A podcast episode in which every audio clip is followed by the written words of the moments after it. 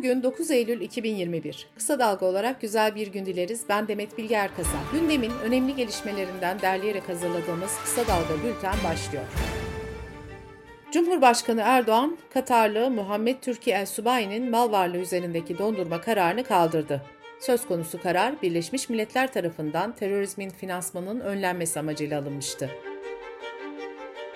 CHP Grup Başkan Vekili Özgür Özel, erken seçime gidilebilmesi için muhalefete yapılan Sine-i Millete dönme çağrılarına ilişkin kamuoyunda yaratılan algı doğru değil, bunu iktidar yakın medya köpürtüyor diye konuştu. HDP eş genel başkanı Mithat Sancar seçimlerde ortak aday çıkarılmasına yeşil ışık yaktı. Sancar, HDP ortak aday çıkarılması fikrine açıktır ama isimleri şimdi tartışmayalım. Önce ilkeler ve seçim güvenliği konuşulmalı dedi. Memleket Partisi Genel Başkanı Muharrem İnce yargılandığı bir davada 5 ay hapis cezasına çarptırıldığını duyurdu.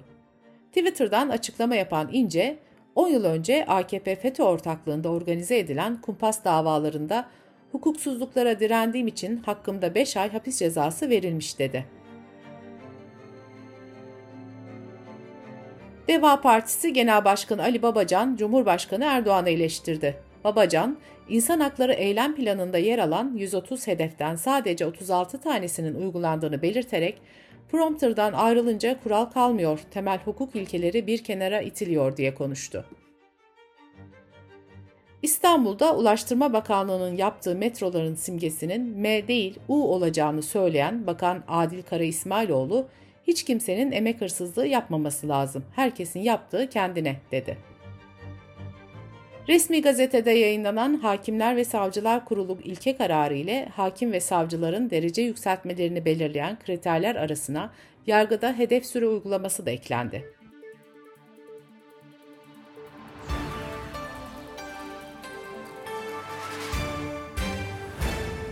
İstanbul Pendik'te bulunan bir sitenin yönetimini yasa dışı yollarla ele geçirdikleri site sakinlerinden fazla fatura parası talep edip karşı çıkanları silahla tehdit ettikleri öne sürülen çeteye operasyon düzenlendi.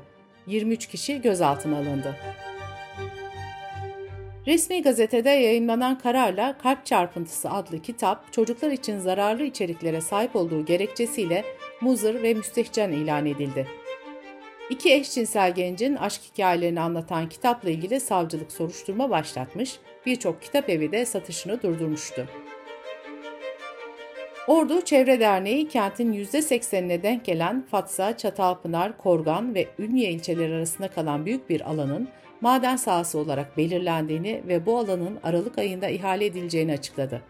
Dernek mücadele çağrısı yaptı.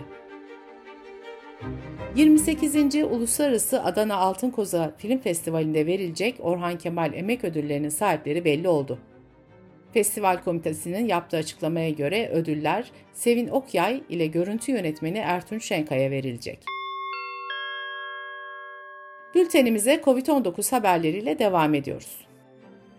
Bilim Kurulu üyesi Profesör Doktor Seçil Özkan, burun akıntısı, ateş, boğaz ağrısı gibi koronavirüsü andıran semptomlar olmasına rağmen PCR testinin negatif çıkabileceğine dikkat çekti. Özkan, bu belirtilerin görülmesi halinde maske, mesafe, hijyen önlemlerine devam edilmesi gerektiğini söyledi.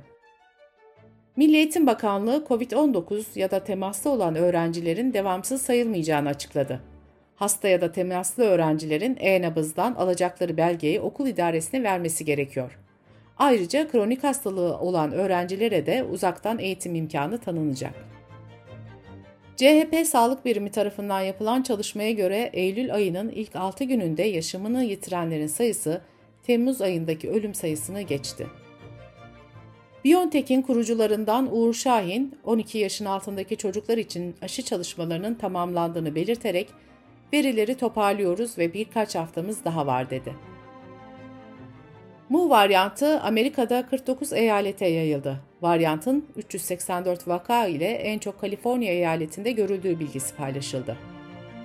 Dünya Sağlık Örgütü'nün aşıya dirençli olduğunu açıkladığı Mu varyantı dünyada ve Türkiye'de tartışılıyor.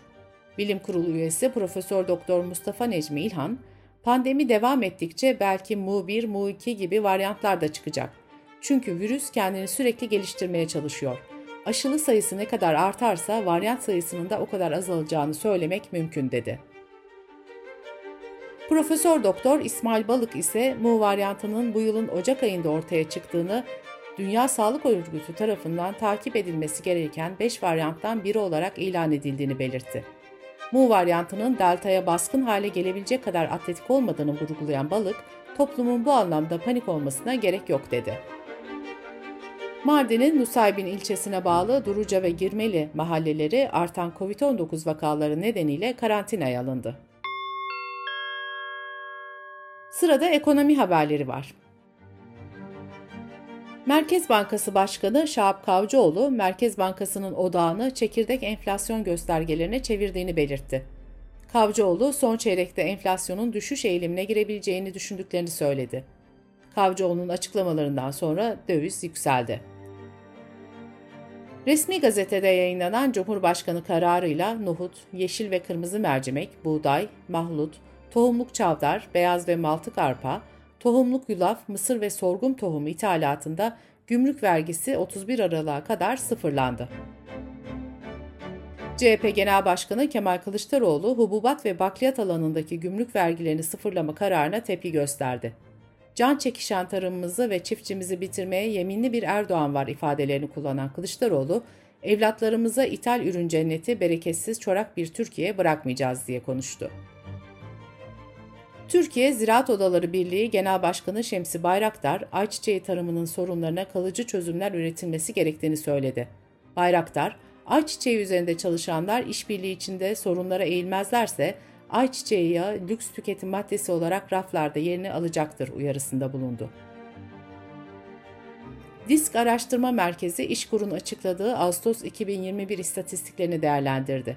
İşten çıkarma yasağının sona ermesinin kayıtlı işsiz sayısını arttırdığı belirtildi. Temmuz-Ağustos aylarında 244 bin artan kayıtlı işsiz sayısının 3.2 milyona yaklaştığına vurgu yapıldı. Çalışma ve Sosyal Güvenlik Bakanı Vedat Bilgin, Türkiye'nin gerçekleştirdiği reel büyüme yaklaşık %10'un üzerindedir.